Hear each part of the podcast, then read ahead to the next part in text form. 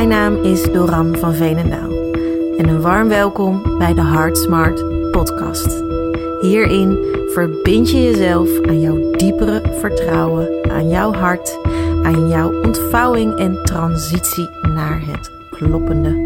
Stay Heart Smart. Hey, hallo, welkom bij een nieuwe aflevering. Waarin we het natuurlijk gaan hebben over volle positie innemen. En in deze aflevering staat centraal hoe je dat vanuit je lijf kracht bij kan zetten. Want wanneer weet je of je daadwerkelijk toestemming ervaart om voller positie in te nemen? eerder hebben we het gehad over dat die toestemming ook heel erg belangrijk is. En dat we heel vaak eigenlijk niet doorhebben dat we nog niet zelf volle toestemming ervaren. Of ook nog niet kunnen ervaren, omdat sommige stukken in ons nog niet helemaal vrij zijn om volle positie in te nemen. Um, maar hoe kan je in je lijf eigenlijk die toestemming kracht bijzetten? Hoe kan je die toestemming voelen? En die toestemming zit in je hart. Dus daarin schuif je iets open, waarin je toestemt eigenlijk op de stemming die er nodig is om voller positie in te nemen. Maar wanneer voel je nou of weet je nou of je daadwerkelijk die toestemming ervaart? Dat is niet wanneer je lacht. Dat is ook niet wanneer je zo fijn verbindt met anderen. Dat is gewoon wanneer je fucking rechtop loopt. En mijn taalgebruik wordt hier een beetje banaal, maar hier zit een, daar zit een reden achter. Want weet je, mijn halve leven werd eigenlijk tegen mij gezegd: Door, let op je rug. Door, dooran, schouders naar achteren. Ik heb serieus mijn halve leven gedacht: Weet je, laat me met rust. Totdat ik eigenlijk zelf na een diepe meditatie uh, een keer een helder inzicht kreeg. En ik heb toen ontzettend gehuild. Echt gehuild. Want ineens zag ik dat het al die tijd leek alsof het altijd tegen mij werd gezegd van, weet je, je schouders naar achter, let op je rug, niet zo krom lopen.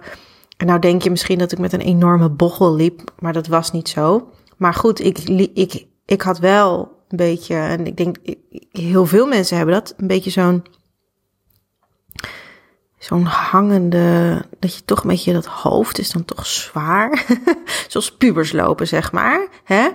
Een beetje zo hangend. Daar, dat heb ik heel erg gehad. En tot irritants aan toe vond mijn vader uh, dat natuurlijk helemaal niks. En die zei: Doortje, let op je rug. Door, schouders naar achteren. En ik dacht: laat me. Maar ineens, na die meditatie, zag ik dus dat het helemaal niet ging om mijn houding. Misschien dat mijn vader dat wel heel belangrijk vond ook. Uh, destijds. Van, dat het gewoon, ook gewoon fysiek niet goed voor je is om zo hangend te zitten of te lopen. Um, en na die meditatie zag ik dus ook dat het niet om die houding ging. Maar dat het ging om voller, het voller innemen van positie op deze fucking aardbol. En ja, weer even banaal in mijn taalgebruik. Want weer, als ik het schrijf nu, kan ik die bevrijding weer voelen. Van dat ik rechtop loop. Vanuit mezelf. En is je wel eens opgevallen, namelijk dat. Kijk, ik heb toevallig een baby van één, uh, net één nu thuis. En het viel me bij de eerste al op. Uh, die is inmiddels vijf, maar hij heeft het nog steeds. Kleine kinderen zitten heel mooi rechtop. En ook bij Jasmijn, mijn jongste, vind ik het weer wonderlijk mooi om te zien hoe rechtop ze zit. Weet je, ze zitten dan op zo'n houten stoel, waarvan je denkt, nou, dat zit toch eigenlijk helemaal niet gemakkelijk. Maar goed, dat zijn die, die stokkenstoelen die ze voor kinderen dan uh, uh, hebben. En weet je, ze zitten op een harde ondergrond. Dus helemaal niet zo heel relaxed eigenlijk, zou je zeggen. Maar die houding, joh, het is zo mooi, zo uitgelijnd, zo rechtop. En weet je, op een gegeven moment wordt het hoofd ook bij kinderen wat zwaarder. Gaan ze veel, nou, wat meer die chill-modus. Nou, waar ik dus ook in kwam toen ik klein was, maar dan, nou, toch wel moeilijk uitkwam. Um, en misschien is het ook omdat we als aap vroeger krom hebben gelopen. Ik weet het niet. Maar wat ik wel weet is dat wij structureel krom zitten. Naar die laptop toegericht. Of naar, naar de grond. Of naar, naar voren. Of. Want weet je, misschien is jou ook opgevallen als je in een yogales zit. En uh, er wordt gevraagd om uh, nou, Ga rechtop zitten. Hè. wordt, je wordt altijd ook even gevraagd om jezelf ook goed uit te lijnen en neer te zetten. En iedereen zie je altijd echt even van, oh, even helemaal daar moeite voor moeten doen. En schouders die zeuren en kraken. En zelfs pijnlijk voelen. omdat ze zo gewend zijn om naar voren te hangen, naar iets toe te bewegen en het is ook een houding waarin we constant lijken te zoeken naar iets dat voor onze neus ligt. Of dat we iets belangrijk vinden wat voor ons ligt. Nou ja, ik ben dus een vrouw die haar halve leven heeft gehoord: schouders naar achteren. En dat deed ik natuurlijk echt nooit. Ik was echt onwijs eigenwijs. Totdat ik dus iets ontdekte dat helemaal vanuit mezelf kwam. Een stelregel die ervoor zorgde dat ik ook beter in lijn kwam. En niet alleen qua houding, maar ook gewoon beter in lijn met mijn hart. En die stelregel werd hoofd op je hart en je hart naar voren. En ik doe het nu ook gelijk weer even mee, nu ik het zeg. Um, maar als je dat doet, hè, als je je hoofd, als je je hoofd laat dragen door je hart, dan moet je ze op één lijn brengen. Dus dat betekent dat je waarschijnlijk nu je hoofd ietsje naar achter mag brengen, zodat hij meer gedragen wordt door de wervels, door je hart, door je lijf eronder. Heel veel rug- en nekklachten komen natuurlijk ook omdat we ons hoofd laten hangen met spanning. Maar laat je hart dus jouw hoofd dragen. En dat doe je door die nek uit te lijnen en je hoofd dus even een tikje naar achter te brengen. Voel je dat verschil? Het voelt ook zoveel lichter, want je spieren hoeven zich niet in de ronde te werken. Je zou ook minder hoofdpijn krijgen wanneer je je hoofd en je hart op een lijn houdt. En het staat, en dit is wat mijn vader zo vaak zei, het staat ook zoveel mooier als je je hoofd niet laat hangen. Dat is wat mijn vader altijd zei. Maar dat is wat ik dus heel lang ook niet heb gedaan. Zo zie je maar, sommige dingen komen aan, of eigenlijk pas aan, wanneer daar de ontvankelijkheid voor is. En datzelfde geldt voor ook um, het boek wat ik dus nu aan het schrijven ben. Ik ben delen uit dat boek, conceptdelen, aan het uh, delen met mensen die meelezen. En ik kreeg een heel mooi mailtje van een van de meelezers. En ze zei: Ja, ze is toevallig ook klant. Maar niet toevallig, maar het zijn ook wel best wel wat klanten die meelezen. Of oud-klanten.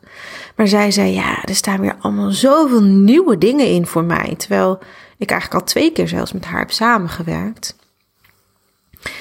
Maar dat is omdat, weet je, elke keer lees je andere dingen, hoor je andere dingen, omdat je er dan op dat moment ontvankelijk voor bent. Dus op het moment dat um, het boek er straks ligt, is een grote kans dat wanneer je dat boek dan leest en twee jaar daarna nog een keer leest, dat je weer andere lagen leest. Omdat je dan ook weer een andere staat van zijn verkeert. Met een nieuw gevoel lees je ook weer altijd nieuwe dingen. Maar goed, even terug naar onze houding. Want ja, dan hebben we die krachtige schouders nog, hè? Oh, bij mij doen ze op dit moment echt enorm pijn, mijn schouders. Dat is echt geen grapje. Ehm, ja, onze jongste is dus enorm gegroeid. Gelukkig begint ze nu met lopen, want dat tillen, dat, dat, ja, dat doet nu gewoon te zeer aan mijn schouders. En het is bij mij ook altijd de winter. Uh, zodra de winter eraan komt, dan, ja, dan, omdat het kouder wordt, trek ik blijkbaar toch spieren aan. Dus mijn schouders doen op dit moment onwijs veel pijn. Dus deze aflevering is vooral ook weer voor mezelf. Weer herinneren aan mijn houding. En die houding is niet alleen fysiologisch of uh, fysiek belangrijk, maar hier zit dus ook een hele energetische les achter, uh, een positionerende les achter. Want ontspan die schouders eens en laat ze eens naar achter hangen. En wat gebeurt er op het moment dat je je schouders ontspant en naar achter laat hangen? Dan komt je borst naar voren. En voilà. Wat voel je dan? Je hart krijgt meer ruimte. Je hart krijgt meer stralingsruimte. En eigenlijk ook meer ademruimte. En als je dit echt even compleet wilt maken, ga er dan ook eens bij staan. Ga staan, hoofd gedragen door je hart, schouders ontspannen naar achter. En je hart ademruimte naar voren, opening naar voren. Wat doet dit? Je staat. Lijn jezelf eens goed uit. Voeten in de aarde, klein stukje uit elkaar, knieën van het slot, schouders naar achter en ontspannen, hoofd krachtig en gedragen door je hart. En hier sta je. Fucking rechtop. Helemaal klaar. Hier sta jij. Want ben je wel eens bang en onzeker? Ja, dat zijn we allemaal. Ga in deze houding. Vraag je wel eens af wat je moet doen? Ja, dat vragen, vraagt bijna ieder mens zich wel op dagelijkse basis zelfs af. Ga in deze houding. Denk je ook wel eens, wie ben ik nou? Hoppa, in deze pose. Want weet je, het is echt, het is gewoon genoeg geweest met dat gebuig en dat geslenter. Het is genoeg met jezelf ook wegmoffelen. Je bent ook druk genoeg geweest om alles maar niet te zijn wat je eigenlijk meer mag zijn. Want dat, dit deed je eh, op een gegeven moment, toen je echt klein was, deed je dit ook. Kon je ook gewoon hup rechtop staan. Was je ook niet aan het buigen, aan het slenteren en jezelf aan het wegmoffelen. Waarschijnlijk. Althans, als ik naar mezelf als kind kijk. Maar goed, ik zie ook genoeg kinderen uh, die dat wel op jonge leeftijd al doen, helaas. Zichzelf wegmoffelen. Uh, maar goed, nu ben je volwassen. Weet je, je hebt nu de keuze. Je hebt het bewustzijn. Je hebt je lijf, wat krachtig genoeg is. Om nu te gaan zijn wat je meer mag zijn. En zelfs als je nu al denkt, ik neem al volledige positie in, think again. Want ja, dit is ook echt hoe het bij mij ging. Het is een dwaalgedachte. Ik dacht ook heel lang, oh, ik neem al wel positie in. Maar vergeet nooit, je hebt steeds ontvouwingslevels. Het is een spel. Je bent nooit klaar, helaas. maar juist als je het als een spel ziet, dan is het niet zo helaas. Dan is het gewoon, yes, yummy, daar gaan we weer. En hup, we gaan weer rechtop. Maar weet je, de dwaalgedachte van ik neem al positie in, ik doe het allemaal al precies zoals het. Weet je wel, geloven in je eigen perfectie is echt een dwaalgedachte, want perfectie is er niet. Je bent ook niet perfect en het mooie is, je hoeft niet perfect te zijn, maar je bent wel volmaakt. Dat is wel even iets anders. Um, maar die dwaalgedachte van ja, ik neem eigenlijk al positie in, ja, dat zet je gewoon op het verkeerde spoor. Want jezelf positioneren heeft niet alleen te maken met alle zonnige kanten in jezelf te vergroten. Hè? En op het moment dat je heel erg aan, de zon gaat, niet serieus letterlijk kaart schijnen. Maar de zonkanten waar ik het over je heb, met, met je over wil hebben en de schaduwkanten. Um, want hoe zit dat nou? Wat we vaak doen onder het mom van positief denken, self-care, self-love, dat soort dingen. Dat we heel erg uh, kijken naar de zonkanten in onszelf. En daarmee bedoel ik, wat kunnen we goed? Wat zijn we goed? Wat, weet je, wie zijn we in de positieve zin? Onze smile, onze zonkant. Die willen we vergroten. Daar leggen we de focus op. Op wat, waarin we ons goed voelen, waarin we goed zijn. En in die zonkant voel je ook sneller dat je goed genoeg bent. Maar het heeft ook te maken. Kijk, die zonkant die kan veel feller gaan schijnen. Wanneer je ook je schaduwkanten transformeert. En op het moment dat je dus alleen maar aan je eigen zonkanten denkt en daar je energie naar laat gaan, dan kom je in een soort eendimensionale groei. En daarmee bedoel ik dat je eigenlijk maar steeds van hetzelfde vergroot. Dus uiteindelijk wordt het ook niet eens meer vergroten. Het is op een gegeven moment gewoon zo. En dan blijf je het is herhalen. Dus je blijft eigenlijk maar gewoon herhalen in jezelf wat het is wat je, wat je goed kan en waar je goed in bent.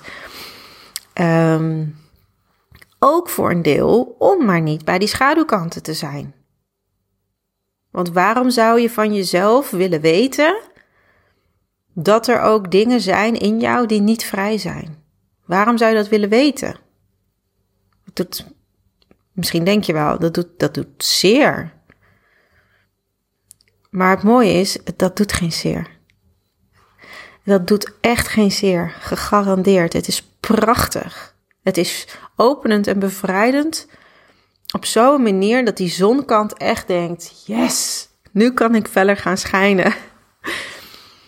Als jij, als jij stevig wilt staan, dan wordt het namelijk tijd om de dingen die jouw positie nu bewust en onbewust beïnvloeden te gaan bevrijden. Want zo kan je namelijk opnieuw kiezen voor een werkelijke evenwichtigheid in jouw identiteit. Want groei ontstaat namelijk wanneer je nieuwe identiteitsstukken bevrijdt en ruimte geeft. Dus hier gaat het dus echt om om nieuwe identiteitsstukken bevrijden en ruimte geven. Daarin zit de groei. Groei zit dus niet in dezelfde zonnige cirkel herhalen voor jezelf.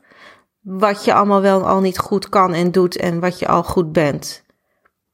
En maar niet kijken naar andere dingen in jou waar je niet vrij bent. Want daarmee hou je het volmaakte plaatje, kan je daarmee niet in stand houden. Dus weet je, dat is ergens ook gewoon angstgedreven. En deze podcast is er echt voor om je te laten ervaren en voelen dat je er niet bang voor hoeft te zijn. Dat het juist mega bevrijdend is als je dat doet. En ik weet zelf ook hoe je dat doet. Schaduwkanten. In kaart brengen. En alleen al het in kaart brengen van je schaduwkanten zorgt eigenlijk gelijk voor een bevrijding. Daar hoef je niet eens zo heel veel voor te doen. Behalve dan te zien dat je daarin nog niet vrij bent en jezelf toestemming te geven dat je dat meer mag gaan zijn. En dat, lieve vrouw, zet al zoveel in beweging, zoveel bevrijding. En dat deed ik. Ik, ik trainde ruim tien jaar geleden in schaduwkanten. Um, vanuit merkidentiteit. Maar weet je, een merkidentiteit is natuurlijk helemaal niks anders dan een mensidentiteit. Hè, het, is, uh, het is misschien een wat strategische materie, maar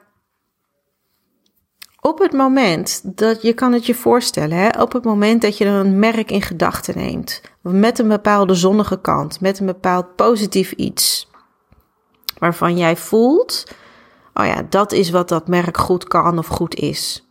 Op het moment dat dat merk, en vervang merk als je wil, gewoon voor het woord mens natuurlijk, hè. Maar op het moment dat een merk of een mens alleen maar die zonnige kant laat zien, dan kan je dus voorstellen dat het uh, gaat doorschieten. Omdat het dus eigenlijk um, zo een beeld laat dat dan niet meer in evenwicht is. Want een, jouw eigen beeld, jouw eigen identiteit komt in evenwicht wanneer je niet een uiterste alleen maar heel erg bent. Jij bent veel meer. Jij bent ook een andere kant.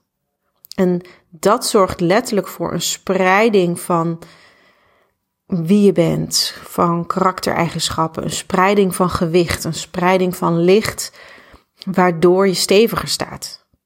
Jouw wortels gaan niet alleen maar over één stukje en dat hele stukje moet je diep de, de aarde inschieten. Jouw wortels zijn breder en die heb je ook breder nodig om, om stevig te staan, om die stam te laten groeien. Dus daarvoor is het nodig om nieuwe stukken in jezelf te bevrijden en ruimte te geven. En dit willen we vaak allemaal wel. want ik ken ook best wel heel veel mensen, en daar zelf ben ik ook mee bezig, om het spel te spelen, om nieuwe dingen te willen, nieuwe dingen eigen te maken. Dus we willen het wel, maar we kiezen hier niet altijd voor. Dus daar heb je weer het willen en het kiezen. Twee hele krachtige concepten die anders zijn. En als je dit interessant vindt, hoe je kan duiken in jouw zon- en schaduwkanten, dit is iets wat ik meeneem in mijn nieuwe positioneringsprogramma 2022. Mega diepgaand en diepkrachtig. Want dit is geen materie. Dit, hier heb ik zelf jaren ook niks aan geteacht of aan meegegeven aan klanten. Omdat ik dacht, het is te strategisch. Het komt uit mijn, uh, uh, hoe zeg je dat? Corporate werkverleden. Even een slokje. Tot ik per toeval ineens een soort ingeving kreeg van: oké, ik zat zelf in dat proces ook van wat zijn mijn eigen schaduwkanten. Toen ben ik mijn eigen training erbij gaan halen die ik dus tien jaar geleden gaf. En ik ontdekte hoe krachtig deze materie is. En ineens zag ik de bruikbaarheid. En tuurlijk heb ik dingen hier en daar aangepast om het toepasbaar te maken op uh, op vrouwen, op mensen. Maar mens en merkidentiteiten, echt, ze verschillen natuurlijk helemaal niks. Het gaat over identiteit. Dus als je het interessant vindt om hier echt in te duiken, zodat je niet alleen maar gaat hangen aan waar je zo goed in denkt te zijn, maar dat je ook gaat bevrijden wat je nu nog niet mag zijn van jezelf. Ja, dus die schaduwkanten, dan komt me een potje bevrijding en kracht vrij voor jouw nieuwe volle positie. Dat is echt, geloof me op mijn woord, dat is echt een prachtig proces. En om dit heel concreet te maken, in, uh, ik had vorige week een, uh, een sessie met een klant, dat was gewoon één op één sessie. En ik gaf hier echt maar heel klein beetje ruimte aan. Maar gewoon is om te verkennen wat het ook met haar deed. Om haar schaduwkanten te kennen. En daar een andere lading aan te gaan geven. Want het feit dat we schaduwkanten hebben, is dat we het ook de lading geven van schaduw. Iets wat we niet mogen zijn en dus in het donker zetten. En zij kwam in onze sessie met een heel mooi idee, maar er kwamen gelijk allerlei mits en maren bij. Maar dan moet het niet op die manier, want dat is zo. Maar dan moet het op die manier, maar dan hou ik eigenlijk mezelf klein. Dus je, je hoort al gelijk een soort verstrikt dialoog met jezelf en, en in de vorm zoekende, dat jouw zon- en schaduwkanten daarin aan het spelen zijn. Ze zijn daarin aan het bewegen. Dus ze had een heel mooi idee, maar ze was dus niet vrij in de uitvoering van dat idee. Dus toen ik met haar een aantal vragen ging, een aantal vragen ging stellen over wat het was, wat ze niet mocht zijn, en onderzoeken hoe dat zou voelen als ze dat wel zou kunnen zijn. En voor iedereen heeft eigen persoonlijke kanten, relevante kanten, die iemand dus een soort van wegdrukt en niet mag zijn, en dus daarin ook meer bevrijd kan worden.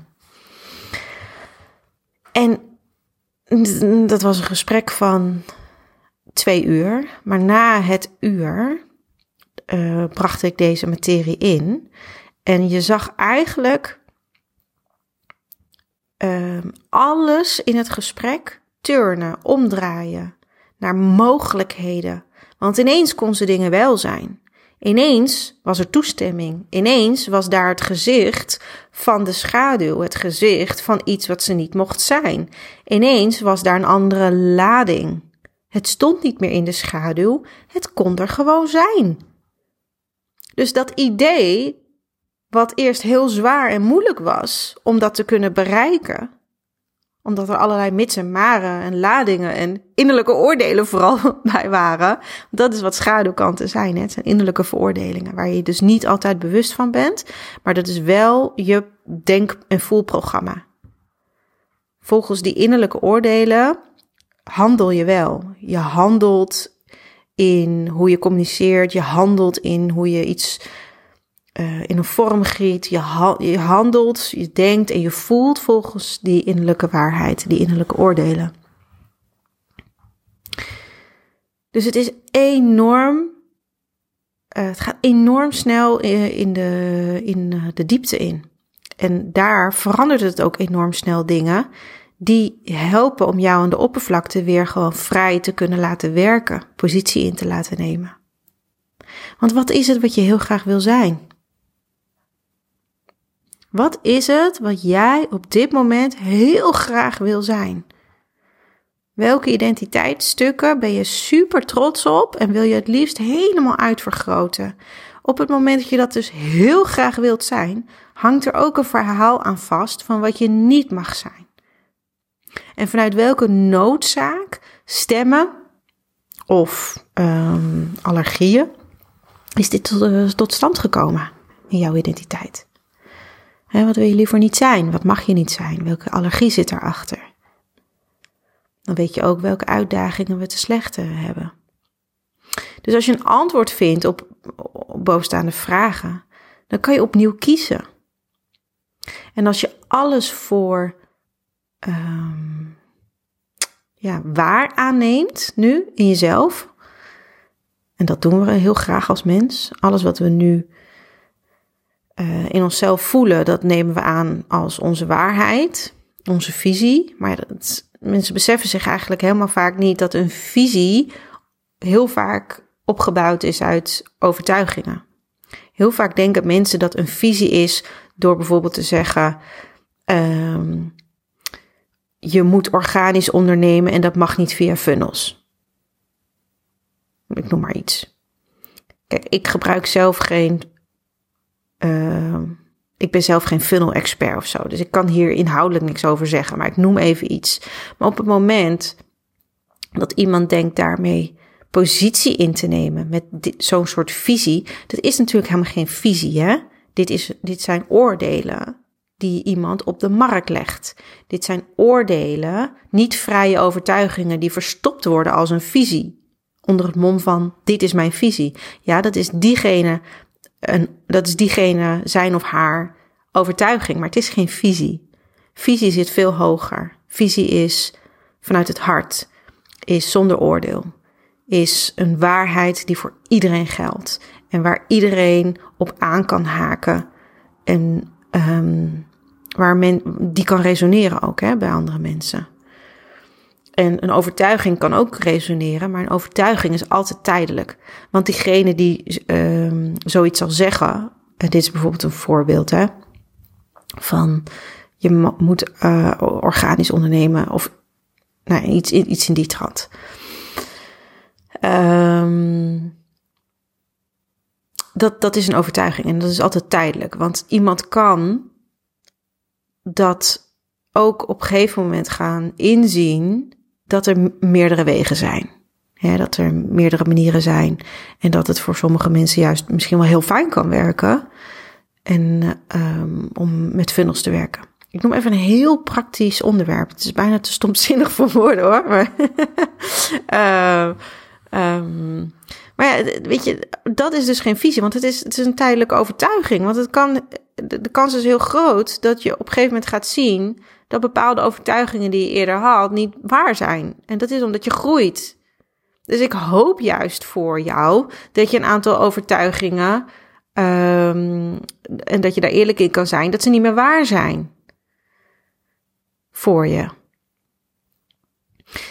En daarom is het ook belangrijk om een visie en een bedoeling te gaan vastpakken, een bezieling te gaan vastpakken achter je bedrijf, die duurzaam is, die niet gaat over overtuigingen of over oordelen, maar die gebouwd is op basis van een vrije identiteit.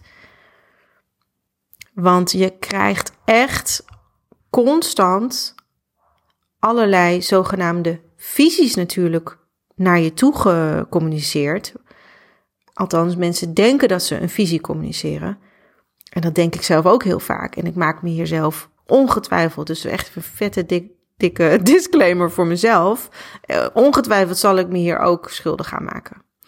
Um, dus het is niet dat ik hier een heel heilig boontje wil uh, spelen. Waar het om gaat is het herkennen bij jezelf en om je heen. Is het echt waar waar iemand voor staat? Of is, is dit een oordeel? Is het een visie? wordt er iets naar beneden gepraat om positie in te kunnen nemen? Want dat is natuurlijk geen positionering vanuit het hart. Dat is gewoon zelf sterker voor proberen te komen door andere uh, visies naar beneden te praten. Maar een echte krachtige visie heeft gewoon helemaal geen, geen, geen contrast nodig met andere perspectieven. Hè? Zoals Gandhi, Be the Change. Of Martin Luther King met I Have a Dream. Weet je, daar zitten. Dat, is een, een, een, dat, is echt een, dat zijn echt positioneringen vanuit het hart. De boodschap zijn zonder per se in die boodschap te zeggen. Maar zo is het niet goed, of zo mag het niet, of zo is het. Nou ja. En op het moment dat jij een soort van allergievrij en überhaupt vrij jezelf kan positioneren, dan kan je ook mensen helpen op een vrije manier. En ga je hun ook de al, helpen met de allerbeste oplossing. Want op het moment dat jij helpt vanuit je eigen overtuigingen over hoe iets is, dan ontzeg je daarmee ook ergens altijd je klant een bepaalde andere optie. Snap je wat ik bedoel? Nou, um, challenge dus in ieder geval voor jezelf. Daar gaat het eigenlijk om. Al of je de dingen die je voor waar aanneemt en, en tot je visie toerekent, of dat ook echt een een waarheid in het hart is, of dat dat een overtuiging is. Want op het moment dat je dus heel erg alles ook voor waar aan gaat nemen, dan treedt er ook geen verandering en groei op. Hè? Dus het is juist ook het groeien eh, komt door uh, een nieuwe waarheid aan te mogen nemen. Ook over jezelf. Maar mensen zijn enorm gedreven en onconsistent te zijn. Dat willen we zo graag. We willen zo onze eigen, ja, we willen zo ons eigen geldende verhaal intern blijven voeden. Want ja, stel dat je jouw verhaal of delen van jouw verhaal zou moeten herzien, moeten verwerpen. Dan zal je ook moeten erkennen dat het dus al die tijd, dat jij het al die tijd zelf was die in de weg stond. En dat jij dus ook al die tijd jezelf iets hebt verteld wat niet waar is. En dat, dat kan pijnlijk zijn, hè? Dus dat vermijden we dan. Want dan kunnen we niet meer in onze lekkere zonnetje staan. Maar daarin zit wel de vrijheid en de massive groei. Als je al die tijd, als je al die tijd iets ertussen hebt laten staan, een overtuiging of een innerlijk oordeel, en je erkent dat je dat zelf hebt gedaan, en misschien moet je daar zelf ook even voor vergeven, dat je al die tijd, al die jaren, een soort van onvolledige verhalen hebt verteld aan jezelf. Het ligt eraan. Maar misschien dat je dat wil, dat je die behoefte voelt om ook jezelf daar even voor te vergeven. Dat je jezelf daarin klein hebt gehouden. Al die jaren aan niet-vrije overtuigingen. Um, om een voorbeeld te noemen. Um, er was, is een klant waar. Ja, die eigenlijk heel streng was voor zichzelf. Ze was ook regelmatig een beetje bozig op zichzelf. En wat er eigenlijk gebeurde ook, is dat dezelfde kritische vragen en gevoelens bleef ze op zichzelf afvuren. Dus ze voelde zich eigenlijk dus niet vrij om te kiezen voor een ander identiteitsverhaal. Want het was voor haar heel bekend om op zichzelf te mopperen. Dus het verhaal was eigenlijk steeds weer van alles moest perfect in het bedrijf. Maar zelf kon ze natuurlijk never nooit voldoen aan die perfectie. En kon ze eigenlijk het mopperen in zichzelf voeden. Maar tegelijkertijd was ze dus ook boos dus, dus dat bleef, dat bleef gevoed worden, dat ze dus nooit alles goed gedaan kreeg in de tijd. En dat bleef een relatie met elkaar houden. Hè? Dus dit bleef het geldende verhaal. Het moet allemaal perfect, maar ook boos blijven dat het dus niet goed genoeg gebeurde in de tijd die ze had. Dus ja, het voelde ook werkontwijkend gedrag. Van ja, want dan uh, ga je het eigenlijk gewoon maar niet doen. Um, en dan kunnen we daar ook weer boos over worden naar onszelf. Eigenlijk niet de dingen doen die nodig zijn om vooruit te komen. Dus de handrem, ja, die gilde en gierde en brulde om het maar even zo te noemen. Je hoort dus heel erg de handrem hierin aan het werk. En op een dag zei ik tegen haar: um, Als je de dingen wilt veranderen, dan zul je moeten zien dat je jouw verhaal moet veranderen. Het verhaal waar je dus onbewust zo consistent aan wilt blijven. En ze zei: zit ik dit dan allemaal maar te verzinnen? Nee, het is gewoon de rode draad in mijn leven. Dit creëer ik toch niet zelf? Dit is mijn rode draad. Ze wilde er dus niet aan. Maar het feit dat je dus al zegt: dit is de rode draad in mijn leven, is dus glashard het teken, het bewijs dat dit het geldende, het dominante verhaal is dat als een rode draad in je leven speelt. En alsof ik dus werd geholpen door hogere hand, stuurde deze prachtige vrouw met een hele mooie missie. Nog geen uur later geloof ik een berichtje dat ze exact ergens had gelezen, alleen dan van een grote goeroe Um, die natuurlijk stiekem naar mijn podcast luistert. Nee, grapje. Maar die zei, en ik heb het over Tony Robbins. The strongest force in human personality is the need to stay consistent with how we define ourselves. Kortom, we hebben zo'n kracht in ons om vast te houden aan het verhaal over onze eigen identiteit, dat we echt zo moeilijk daaruit kunnen stappen om te zien dat we het verhaal voeden.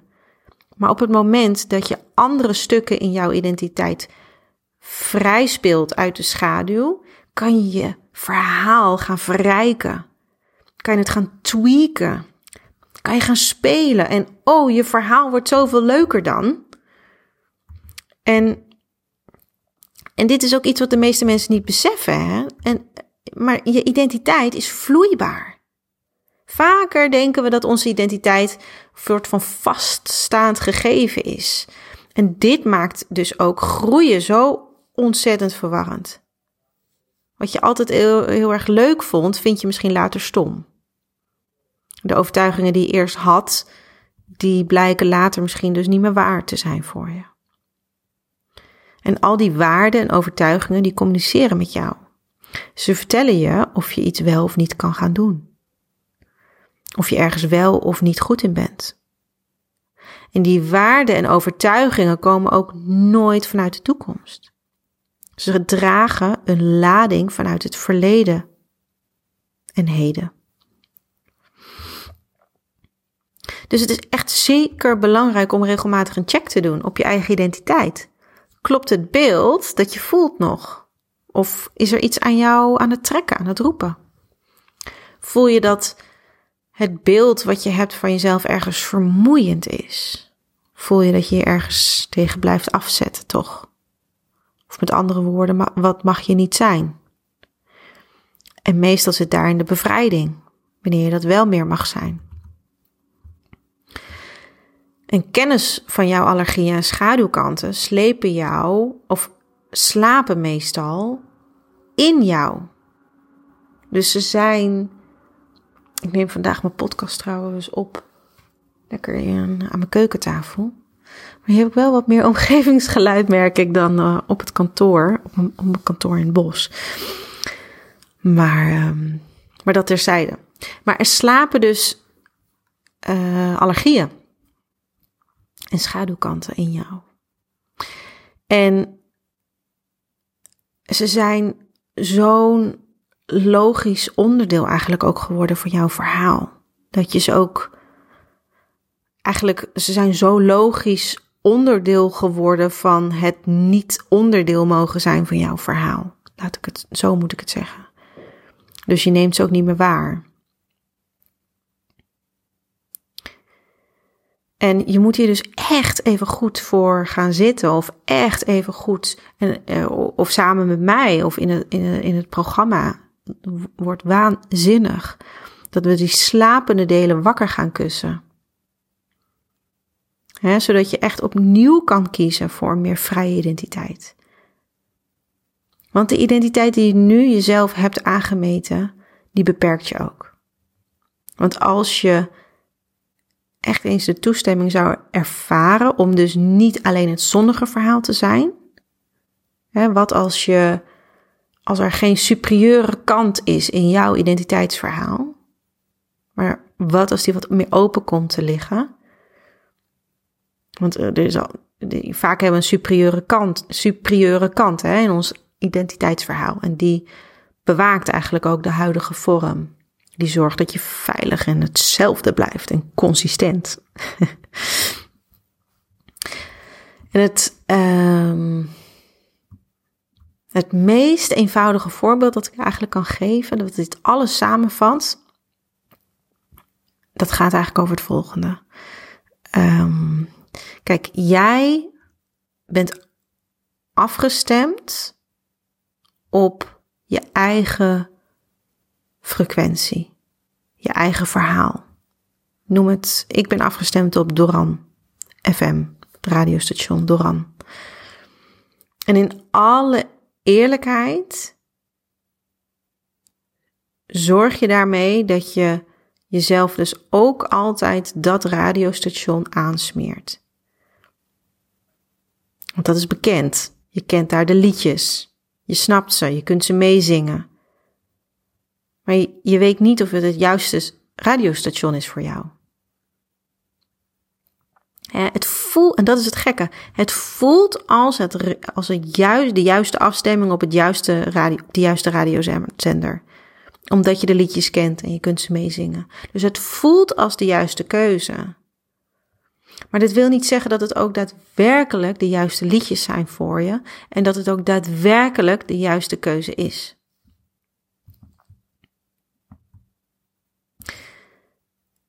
Ik hoop dat je voor jezelf even kan inchecken in je identiteit. Ruimte daarvoor kan maken. Wat ben ik? Waar ben ik trots op? Wat vind ik krachtig? Waarom vind ik dit eigenlijk krachtig? En zegt dit ook iets over wat ik misschien dan niet mag zijn? Waar heb ik oordelen over? Waar ben ik niet vrij in? Ben je vrij in verkopen? Ben je vrij in uh, niet, of niet uh, nauwkeurig genoeg zijn in je werk? Uh, er zijn zoveel schaduwkanten te bedenken. Er zijn zoveel allergieën te bedenken die je niet mag zijn. En waar je vrijer in kan gaan zijn. Dus ik wens je heel veel plezier in vrijer worden en in voller positie innemen. En um, wil jij meer weten over het nieuwe programma, dan komt dat allemaal op mijn site positioningfromtheheart.com of doranvanvenendaal.com. Is dezelfde site. Maar net wat je makkelijker onthouden vindt. En um, ga voor die volle positie. Voor die volle en vrije positie. Wat dus niet alleen gaat over de juiste woorden vinden. Hè? Het gaat niet alleen over de betekenis vinden van je identiteit of waar je voor staat. Het gaat ook over het vrijer worden daarin. En ja, daar help ik je met liefde bij. Ik wens je in ieder geval heel veel plezier met je eigen identiteitsspel. En stay hard smart. 对。